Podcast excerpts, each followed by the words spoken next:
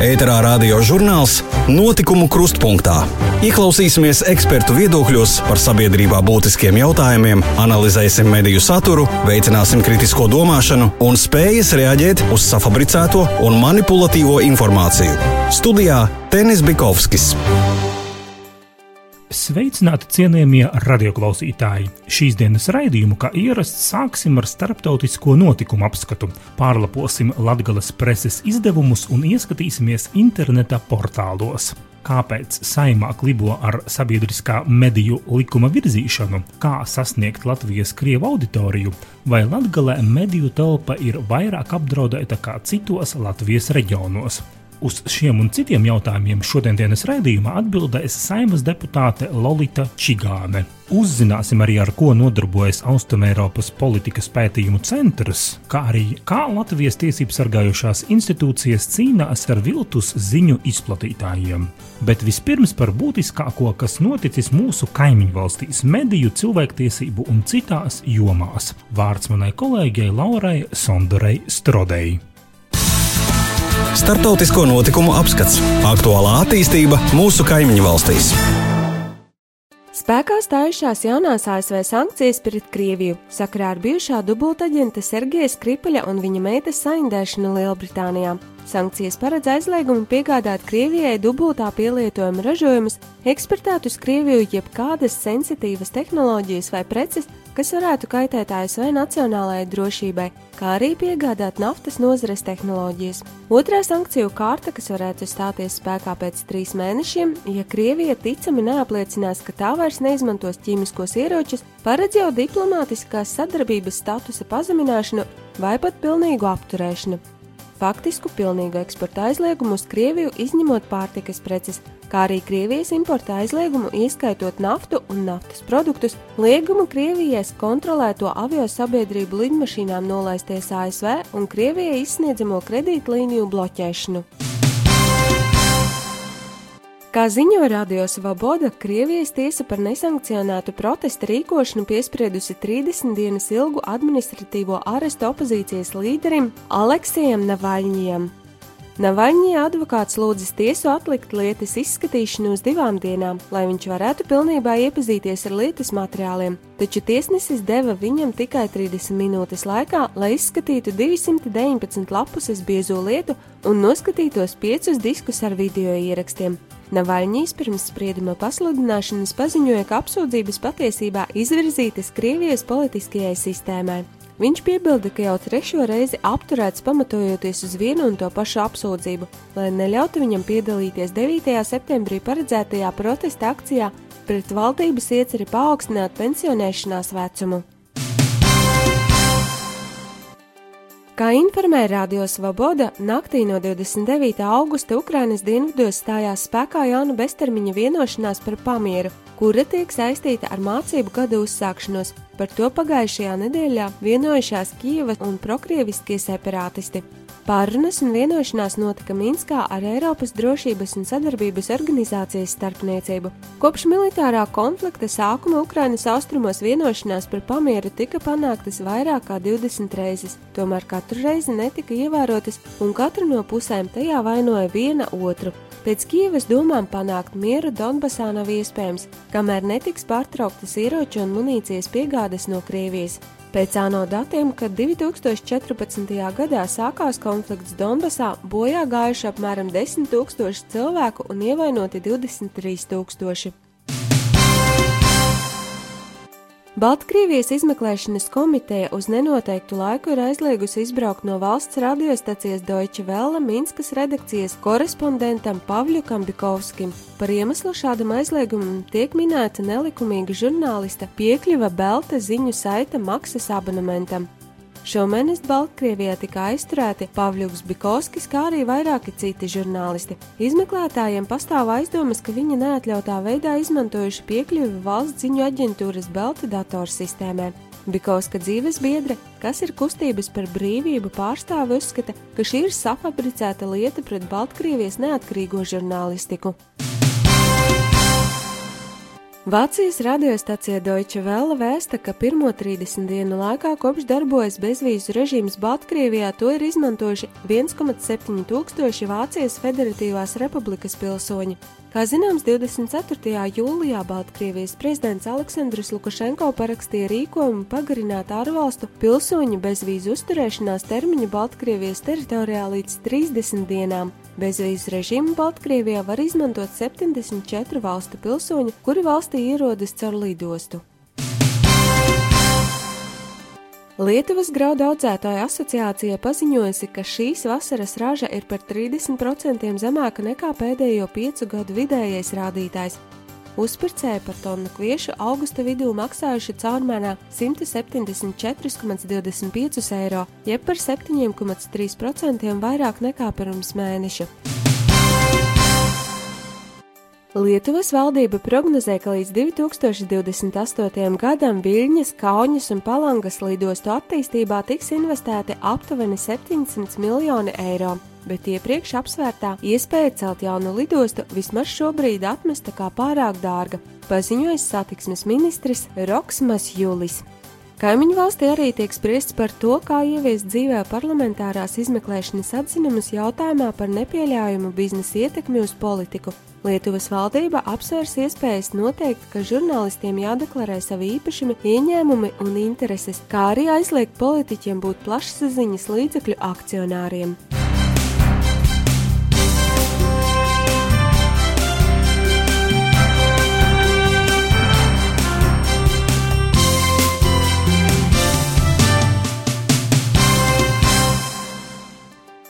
Tik tālu par notikumiem, kas skar mūsu kaimiņu valstis, bet raidījuma turpinājumā ieskatīsimies pašmāju preses izdevumos un internetu vietnēs. Latvijas preses apskats. Ko lasām, par ko diskutējam? Portāls Reizeknas ziņas.CLV informē, ka no 8. jūlija līdz 19. augustam norisinājās reģistrācija 24. septembrī gaidāmajai pāvesta Franciska svētajai misai Aglonā. Šajā laikā ir reģistrējušās vairāk nekā 31 tūkstotis personu. Viņu vidū arī ciemiņi no Baltkrievijas, Krievijas, Polijas, Lietuvas un citām valstīm. Tie iedzīvotāji, kas nav pieregistrējušies svētajā misijā Aglonā, bet vēlas turp doties pēc 9. septembra, varēs sazināties ar katoļu draugiem un interesēties par brīvām ieejas kartēm. Informācija par to, kā piedalīties svētajā misē bez ieejas kartes, tiks izplatīta īsi pirms pāvesta vizītes. Krievija joprojām nav ratificējusi abu valstu sadarbības programmu, kuras ietvaros Daugopils cietoksnī paredzēts izveidot Pētera Martinsona keramikas muzeju, raksta Latgales laiks. Šī gada aprīlī Daugopils domas attīstības departamenta projektu nodaļas vecākais eksperts Artjoms Mahlins informēja, ka projekts Krievijas Federācijas ekonomiskās attīstības ministrijā tiks ratificēts jau jūnijā, un pēc tam varēs sākt pulvera noliktavas renovācijas un iekštelpu telpu pārbūves pirmo posmu, taču viss ir palicis pa vecam. Savukārt Daugopils doma jau organizējusi būvdarbu iepirkumu un izvēlējusies to veicēju. Laikraksts Latvijas laiks arī informē, ka 22. augustā ārkārtas sēdē Lībānu novada domas deputāti apstiprinājuši divus jaunus skolu direktorus. Rudzātu vidusskolu vadīs Valentīna Vaivoda, kas jau ilgus gadus strādā šajā skolā par ekonomikas, informātikas un sociālo zinību skolotāju. Savukārt Lībānu pirmo vidusskolu vadīs mācību centra būts lektors Lībānu novada domas deputāts Gatis Pastors. Latviešu kultūras portāls Lakuga.CLV rakstā starp literatūru mīlestību un nacionālo pretošanos kustību Marta Skuja iepazīstina lasītājus ar dzinieces biogrāfiju un dzēju. Marta Skuja darbojās Nacionālo partizānu organizācijā Tēvijas sargi, tika apcietināta un pēc vairāku mēnešu pratināšanas 1946. gada 18. jūnijā kara tribunāls viņai piesprieda nāves sodu. Portāls Lakuga.CLV informē arī, ka tapusi jauna divu sēriju dokumentālā filma latviešu valodā Latviešu Pīterpīlī. Filmas pirmizrāde notiks 6. septembrī 6. vakarā Daugopilī Šmakovkas muzejā.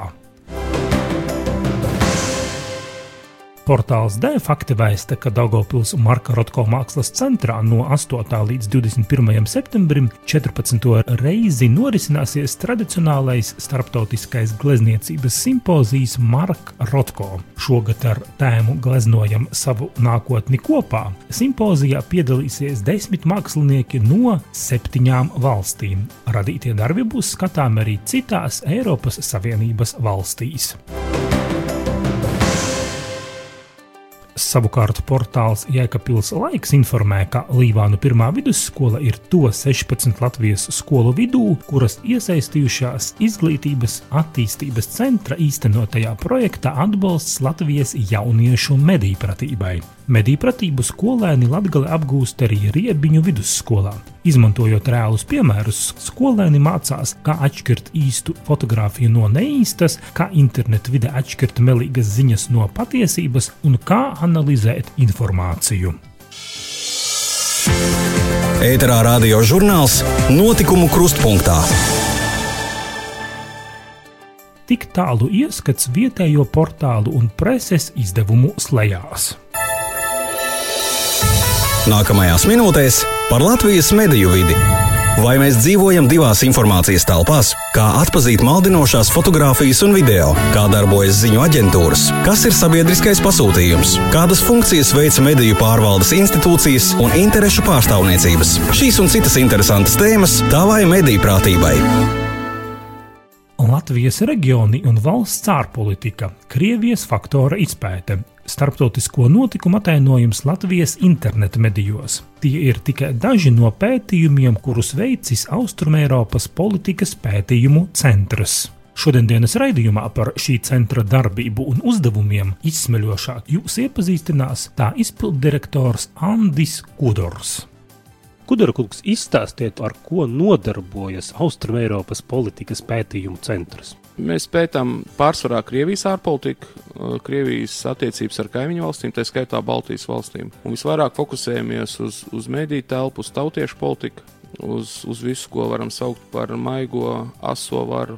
Un, un nedaudz arī militāro pusi, tik daudz, cik tas trāpa mūsu reģionam, jā, karš Ukrainā. Te nesen sākām pievērsties vairāk arī Baltkrievijas ārpolitikai, bet nu, pārsvarā tā būs Krievijas ārpolitika. Dažreiz izlecam arī ārā no kastes un papētām kaut ko tālāk, piemēram, ko Krievija darīja Sīrijā. Un viena cita tēma, varbūt ne tik daudz ar Krieviju saistīta, bija par, par populismu vilnu Eiropā un, un ASV, bet nu, galvenokārt tā būs Krievijas ārpolitika. Jā, nu, mums darbojas seši cilvēki. Tas it kā nav daudz, bet Latvijas domnīcu mērogam pietiekami, diezgan tipiski. Un gandrīz visi, kas te darbojas, eh, ir arī lektori Latvijas augstskolās. Es lasu lekcijas Latvijas Universitātē, sociālo zinātņu fakultātē par Krievijas ārpolitiku. Mārcis Cepurīts vada vienu programmu Stradiņu universitātē. Eh, Ainārs Lērks arī vēstures institūtā darbojas tā eh, no dažādām sfērām Te viens no mūsu pētījumiem bija tāds uh, rakstkrājumiem, pareizāk, par ko es esmu gandarīts, bija ar, ar virsrakstu Fortress Russia, jeb Ciedoksnes Krievija, kur mēs analizējam to, tos procesus, kas ir notikuši Krievijā īsi pirms Ukrainas aneksijas un pēc, un kā tas ietekmē Baltijas valsts. Un mēs parasti pieaicinām arī vēl citus Latvijas pētniekus no augšskolām un no citām domnīcām, piemēram, no Latvijas ārpolitikas institūta. Viņi arī mūs aicina uz, uz saviem projektiem, e, arī no augšskolām, un arī ārvalstu pētnieks. Ja jūs paskatīsieties rakstu krājumos, kas mums ir analītiskajos, bieži vien lielākā daļa no autoriem būs no citām valstīm. Gan no ASV, e, e, gan no Igaunijas, Lietuvas, no Ukrainas, no Krievijas. Dažkārt ir svarīgi pieaicināt Krievijas ekspertus. Galu galā mēs pētām uh, Krievijas ārpolitiku. Mēs rīkojam arī seminārus un uzaicinām gan Krievijas politiķus, gan, gan ekspertus uh, šeit atbraukt un padalīties savu viedokli. Mums bija uh, nesen pasākums, nu, nosacīt nesen, kur bijušais Krievijas premjerministrs Mihails Kasjanovs runāja kā viens no referentiem. Tāpat arī bijušais BBC uh, žurnālists uh, Fon Egerts un, un, un līdzīgi. Paši arī mēs dodamies uz ārzemēm, uz, uz semināriem un konferencēm, kur tad dal, dalāmies tajā, ko mēs esam izpētījuši. Pašlaik eh, nu pat mēs faktiski jau pabeidzām vienu pētījumu par anti-NATO vēstījumiem Latvijā. Mēs skatījāmies, pētījām, caur kādiem internetu mēdījiem tie tiek izplatīti. Pasūtītās bija NATO strateģiskās komunikācijas izcelības centrs. Un šis jau nav, nav pirmais pētījums, ko mēs, ko mēs viņiem veicam, bet tas ir daļa, tā mūsu daļa bija pa Baltijas valstīm. Mēs iesaistījām Igaunu un Lietuviešu pētniekus. Un kopumā tur vēl ir Bal Balkānu valsts pētnieki iesaistīti un Polijas. Arvien plašāk veidojas Eiropas līmenī un arī sadarbībā ar, ar ASV domnīcām tīklojumi, kur tiek veidot tīklojumi ar, ar mērķi mazināt Krievijas dezinformācijas ietekmi Eiropā. Faktiski jau šogad kaut kādi divi, trīs mūs ir uzrunājuši, lai mēs arī iesaistāmies kaut kādos lielākos projektos. Tas arī ir vēl nākotnes jautājums. Ēterā radio žurnāls Notikumu krustpunktā. Par Austrumēropas politikas pētījumu centru stāstīja Andris Kudors. Bet mūsu raidījuma rubrikā Aktuālā intervijā piedāvājam sarunu ar saimas deputāti Lolitu Čigāni. Aktuālā intervija. Kas, jūsuprāt, ir galvenie iemesli, kāpēc saimā klibo ar sabiedriskos mediju likuma virzīšanu? Kāpēc, piemēram, atšķirībā no Lietuvas, Latvijas radio un Latvijas televīzijā no reklāmas tirgus izies ārā ne ātrāk kā ap 2021. gadu? Arī ar televīzijas kanāla aizliekšanu, kuri nodarbojas ar naida kurināšanu, mums um, nemaz neveicas tik raiti. Katram no tiem uh, jautājumiem, uh, vai, vai katrai no tām tēmām, kas ir šī jautājumā, ir savs skaidrojums. Vispirms, uh, sabiedrisko mediju likuma pieņemšana. Ar to mums neveicas tik raiti, tādēļ, ka zināmiem cilvēkiem ir bažas, ka veicot kādas um, asas kustības esošajā situācijā, varētu situāciju padarīt vēl sliktāku. Jo sabiedrisko mediju uh, likumā ir paredzētas vairākas būtiskas lietas. Uh, viena no šīm lietām ir jauna padomes izveide. Šobrīd gan sabiedriskos, gan komerciālos elektroniskos plašsaziņas līdzekļus regulē un pārauga viena un tā pati padome. Pieņemot sabiedrisko mediju likumu, šī padome tiktu sadalīta. Un pirmais jautājums, kas paceļās, ir, kā nodrošināt pietiekamu dažādu sabiedrības grupu pārstāvniecību šajā padomē, kas tad pāraudzītu sabiedrisko mediju darbu, tā lai tā padome būtu rīcības spējīga, bet arī lai viņā būtu pietiekami plašs viedokļu spektrs, un lai nebūtu iespējams vienam viedoklim vai, teiksim, nedod Dievs vēl vienam politiskam spēkam to monopolizēt. Un vienmēr ir tā, ka šķiet, ka ir panākta kaut kāda vienošanās, ka šī padome sastāvēs piemēram no septiņiem cilvēkiem, un tās sastāvs veidosies tādā un tādā veidā, bet uh, tad, kad šī vienošanās ir panākta, tad parādās tik daudz viedokļu, ka būtībā tas panāktais progress noslīgst diskusijās. Un, uh, nu, tā ir tāda sava veida mītīšanās pa purvu, kur teiksim, nu, neatrodās un neatrodās tā purva laipa, uz kuras uzkāpt un nostaigāt līdz beigām. Respektīvi, nonākt līdz situācijai, kur sabiedrisko mēdīju status ir nodalīts no pārējiem elektroniskiem plašsaziņas līdzekļiem. Sabiedriskie mēdīji nestrādā reklāmas tirgu, nejauc šo jau tāpat mazo tirgu komercmedijiem. Sabiedrisko mēdīju padome ir nošķirta no pārējo elektronisko plašsaziņas līdzekļu uzraudzības, un tur neveidojas nemitīgs interešu konflikts, kas man ir mīļāka, labā vai kreisā roka. Un, nu, mēs vienkārši netiekam uz tās laipas, mēs netiekam uz tās sauszemes. Tomēr vēl daudz darba darāms, lai gan izietu no reklāmas tirgus, gan arī kaut kādā veidā piegrieztu skābekli šiem kanāliem, kuri tomēr nav lojāli Latvijai. Nu, attiecībā uz šo jautājumu patiesībā Saima ir rīkojusies, un Saima ir rīkojusies izšķirīgi un faktiski pēdējā brīdī. Vēl jūnijā tika pieņemtas būtiskas izmaiņas elektronisko plašsaziņas līdzekļu likumā, kas paredz gan to, ka no 21. gada sabiedriskie mēdīji vairs nedarbosies reklāmas tirgu, un es ceru, ka nākamā Saima nebūs tik stulba, lai kaut kādā veidā šo mainītu, jo tomēr likumā tas ir ielikts un likumi ir jāpilda, un acīm redzami no 21. gada sabiedriskajiem mēdījiem vajadzētu būt pietiekamam finansējumam, lai varētu strādāt bez šiem reklāmas ienākumiem, kā arī vēl tātad vasaras sesijā tika iestrādāti likuma labojumi, kas paredz vairāk un konkrētākus instrumentus cīņai ar Kremļa propagandas mēdījiem.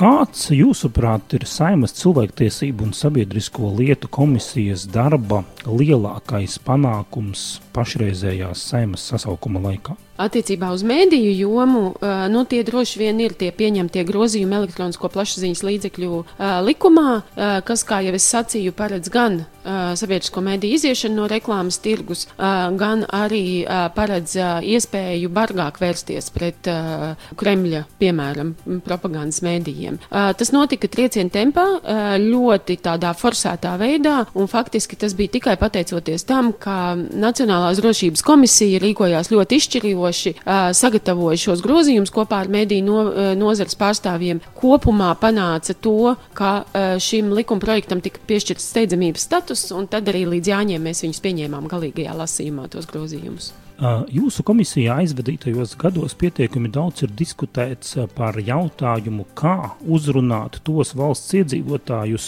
kas medijus patērē Krievu valodā. Igaunija to dara ar televīzijas palīdzību, Latvijas sabiedriskie mediji pārsvarā ar Latvijas radio 4. programmu. Kāds personīgi jūsu viedoklis, kā jūsuprāt varētu sasniegt Latvijas Krievu auditoriju? Es domāju, ka mums ir ļoti svarīgi saprast, ka Latvijas krievlodīgo auditorija ir ļoti dažāda. Protams, ka mums ir bērni no krievlodīgo ģimenēm, kas ir mācījušies tās augtās mazākumtautības skolās, un ļoti daudzos gadījumos viņi runā ļoti labā latviešu valodā. Viņi principā ir spējīgi patērēt mēdījus latviski, un tur nav nekādas problēmas. Jautājums ir par to, kādus mēdījus viņi izvēlās. Tā kā tā ir jaunā paudze, visticamāk viņi neizvēlās tradicionālos mēdījus. Visticamāk, Latvijas radio, Latvijas radio viens vai Latvijas uh, pirmā televīzija nav viņu pirmā izvēle. Attiecībā uz šiem jauniešiem ir jādomā par tiem veidiem, kā piemēram šī informācija ir pieejama interneta vidē, kā raidījums var noskatīties tur un kādā veidā tas saturs ir pasniegts jauniešiem interesantā veidā. Attiecībā uz vecākā gada gājuma cilvēkiem neapšaubāmi absolūtais līderis ir Latvijas Rādio 4. Šeit šajā ziņā, un, protams, Latvijas televīzijas septītais kanāls, kas ir jau gan stiprināts, gan arī, protams, ir jāturpina stiprināt. Runājot ar mūsu Igaunijas kolēģiem, mēs esam secinājuši, ka Igaunijas izvēle veidot šo krievu valodā raidošo kanālu tomēr nav nesusi tādus rezultātus, kāds sākotnēji bija gaidīts. Jo, ja bija sagaidīts, ka principā visa krievlodīgo auditorija pārslēgsies uz šī kanāla skatīšanos, ja tāds kanāls tiks izveidots, tas nav noticis. Un mums ir jāapzinās, ka pamatā tas, ko cilvēki meklē, ir pievilcīgs saturs un pievilcīga izklaide. Un neapšaubāmi šie Kremļu propagandas kanāli uh, spēj piedāvāt pievilcīgu saturu un pievilcīgu izklaidi, uh, jo viņu budžeti ir nesalīdzināmi. Nekad Igaunijas uh, krievu valodā raidošajam kanālam nebūs tāds finansējums kā lielajiem Krievijas uh, televīzijas kanāliem. Tādēļ mums ir ļoti svarīgi atrast veidu, kā šiem krievlodīgajiem cilvēkiem piedāvāt informāciju, kas ir Latvijas informatīvās telpas informāciju. Un ar to mums nevedās nemaz tik labi, jo mēs zinām, ka krievlodīgo vide var būt ļoti pašpietiekama, un uh, ik viens, kuram ir bijusi saskarsme ar uh, cilvēkiem, kas dzīvo šajā pašpietiekamajā krievlodīgo informācijas telpā, redz, ka nu, viņi ir tik pašpietiekami, ka cilvēki pat citreiz nepamana, ka viņi dzīvo Latvijas republikā.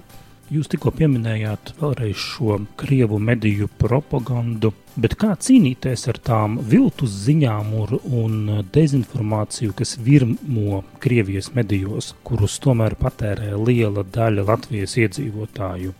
Jūs tikko minējāt arī tos resursus Igaunijā, bet vai Latvijas valstī ir resursi un iespējas atspēkot šo informāciju? Latvijas valsts šo informāciju varēs uh, atspēkot vispirms ar uh, to, ko cilvēki izjūt savā dzīvē. Un kā uh, daudzi uh, Krievijas opozīcijas analītiķi ir teikuši, ka Latvijas krievalodīgajiem ir viegli mīlēt Putinu, jo viņi dzīvo Latvijā, kur ir salīdzinoši augsts pārticības līmenis, viņiem ir pilns leduskapis, viņi brauc pa salīdzinoši labiem ceļiem, kas ir izremontēti par Eiropas Savienības naudu.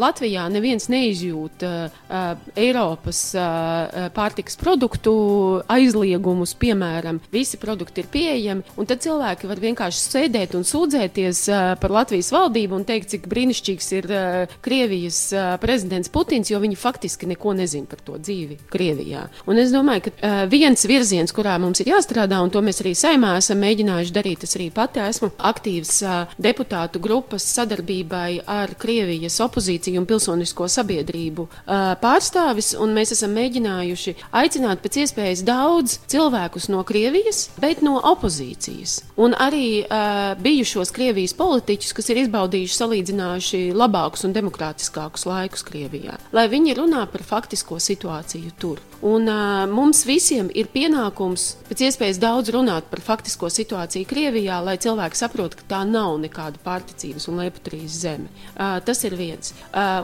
otrais ir, protams, ka mums ir pēc iespējas daudz jāraugās, lai šie cilvēki tomēr kaut ko vairāk uzzinātu par Latvijas politiku un kļūtu vairāk ieinteresēti. Un iespējams, ka attiecībā uz vecāko paudzi viņu paradumus izmainīt būs grūti, bet šeit mums patiešām ļoti daudz neizmantot potenciāli ir jaunu cilvēku starpā. Un, uh, Mēs neizmantojam iespējas, piemēram, doties uz mazākumu tautību skolām, runāt ar jauniešiem, kas patiesībā ir ļoti, ļoti atsaucīgi.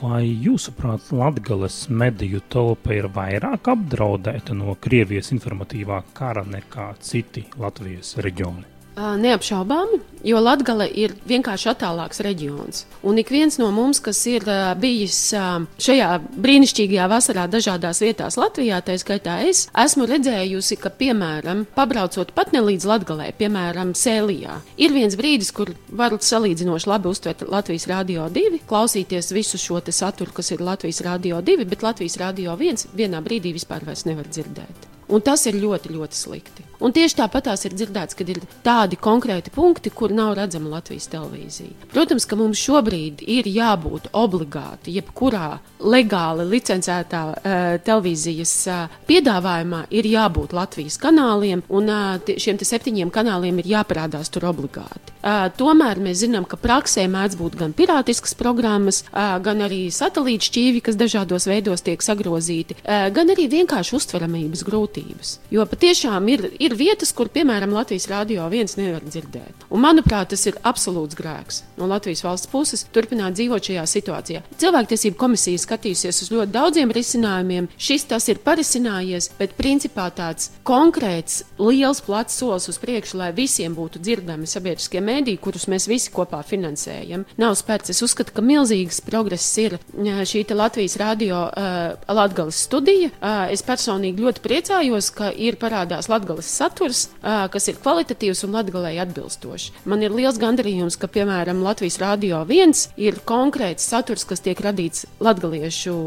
izloksnē. Es ar prieku viņu klausos. Tā ir mana bērnības dienu izloksne un valoda, ko es dzirdēju pie saviem vecvecākiem. Es domāju, ka ļoti daudz Latvijā arī to novērtē. To dažādību un patiesībā to, ka mēs Latgali esam daudz vairāk iekļāvuši tajā mūsu informatīvajā un kultūras telpā nekā agrāk. Tā bija saruna ar saimas deputātu Lolitu Čigāni. Ēterā radio žurnāls Notikumu krustpunktā. Raidījuma turpinājumā par viltus ziņām un to izplatītājiem. Atkal dodu vārdu manai kolēģei Laurai Sondorei Strodei. Melu dekonstrukcija. Interneta portālu un laikrakstu slēdzas pirms nedēļas pāršalca ziņa, ka valsts policija aizturējusi 21 gadu vecu jaunieti, kurš ir organizējis nepatiesu ziņu izplatīšanu.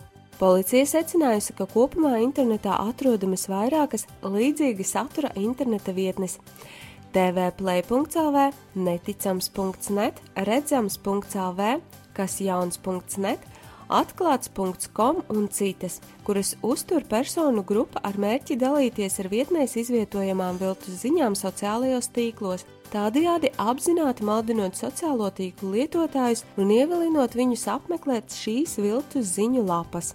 Personu grupa bija apzināti publicējusi nepatiesu informāciju par dažāda veida traģēdijām, ceļu satiksmes negadījumiem, nelaimes gadījumiem, ieskaitot lielveikala sabrukšanu, lidmašīnas katastrofu, autobusa sadursmi, kurā it kā gājuši bojā bērni, un citas nepatiesas ziņas ar mērķi piesaistīt pēc iespējas lielāku apmeklētāju auditoriju. Jau vairākus gadus viltus ziņu tīklus pēta Baltijas pētnieciskās žurnālistikas centrs Rebaltika, kas vēsta, ka šīs viltus ziņas izplatīja mūzika Nika Enziņa portālu tīkls. Apcietinājumā viņš var pavadīt līdz pat deviņiem mēnešiem, raksta portāls TVNet. No Rebaltika pētījuma izriet, ka vissanākais viltus ziņu izplatītājs Latvijā ir par ballīšu zvēru devētā Raivieras Popova viltus ziņu tīkls. Otra grupējuma autors ir Raspopovas skolnieks, pašmāja reperis Niks Enziņš. Sarunā ar Baltiku Enziņš stāstīja, ka 16 gadu vecumā abi ar Raspopovu dzīvojuši vienā Rīgas hostelī. Tajā laikā Raspopovs jau sāka parādīties izklaides portālu lejās, un hosteļa saimnieks piedāvājis nakšņošanu apmaiņā pret reklāmu mēdījos. Raspopovs tolaik Enziņam arī ierādījis, kā pelnīt ar viltus ziņām. Vienojošās pazīmes šiem portāliem ir sekojošas. Rakstam no autora Raksts dalīts vairākās lapās, lai salasītu vēl vairāk klikšķu. Virsraksti ir sensacionāli un svarīgāko noklusē, piemēram, tu nekad neticēsi, kas notika pēc tam. Piemēram, portālā interesanti.lv lasām. Tavās mājās pazūd lietas, visi strīdās un esat nelaimīgi. Laiks pārbaudīt, vai jūsu mājās nevalda melnā maģija. Bojāti zobi, aizmirsti par lielas naudas izmešanu, tagad zobus varēsi izaudzēt no jauna deviņu nedēļu laikā. Pēc šādu rakstu publicēšanas dažu minūšu laikā ar to dalās Facebook lapu un viltus profilu tīkls. Visi padod tālāk vienu un to pašu ziņu. Taču daudz bīstamākas un ar tālāk ejošām sekām ir viltus ziņas par nenotikušām avārijām, izvarošanām, nāvējošiem vīrusiem un ar vien jaunu cilvēku pazušanas gadījumiem. Tas viss klikšķu un peļņas vārdā. Vienīgais veids, kā pārtraukt viltus biznesa izplatību cilvēkiem, pārstājot klikšķināt. Sabiedrības iniciatīvu portālā manabalss.lv sākta parakstu vākšana par iespēju bargāk sodīt portālus, kas izplata nepatiesas jeb viltus ziņas. Kā iniciatīvas pārstāvis norādīts Toms Brūveris, viņš piedāvā smagāk sodīt piemēram tādus portālus kā neticams.lv, redzēts.lv, kur izplata informāciju par traģēdijām, kuras nemaz nav notikušas. Brūveris pārliecināts, ka daudzi cilvēki neatkarīgi no viņu vecuma šādām ziņām notic un tiek maldināti. Pašlaik aizdomās turētā persona par nepatiesas informācijas publicēšanu var tikt tiesāta par huligānismu un krāpšanu nelielā apmērā. Par huligānismu var piemērot brīvības atņemšanu līdz diviem gadiem piespiedu darbus vai naudas sodu. Savukārt par krāpšanu nelielā apmērā soda ar brīvības atņemšanu uz laiku līdz vienam gadam, piespiedu darbu vai ar naudas sodu. Kā raksta LV portāls.lv, šobrīd sodīt par viltus ziņu tālāku izplatīšanu nevar, taču tiek vērtēts sistemātiskums. Ja kāds regulāri dalās vienā sociālo mēdīju kontā ar šādām ziņām, nepārliecinoties par to patiesumu, īpaši jomā, kas skar Latvijas valsts drošību, Nav jābrīnās, ka kāda drošības iestāde varētu vēlēties pārliecināties par personas motīviem. Ar to tad arī raidījums notikumu krustpunktā šodien izskan. Paldies, ka bijāt kopā ar mums! Visu labu mūsu klausītājiem abos Daugavas krastos novēlu es, Tenis Bikovskis, uz sadzirdēšanos nākošais nedēļa šajā pat vietā un laikā. Radio žurnāls notikumu krustpunktā ir sagatavots ar valsts reģionālās attīstības aģentūras finansiālu atbalstu no Latvijas valsts budžeta līdzekļiem.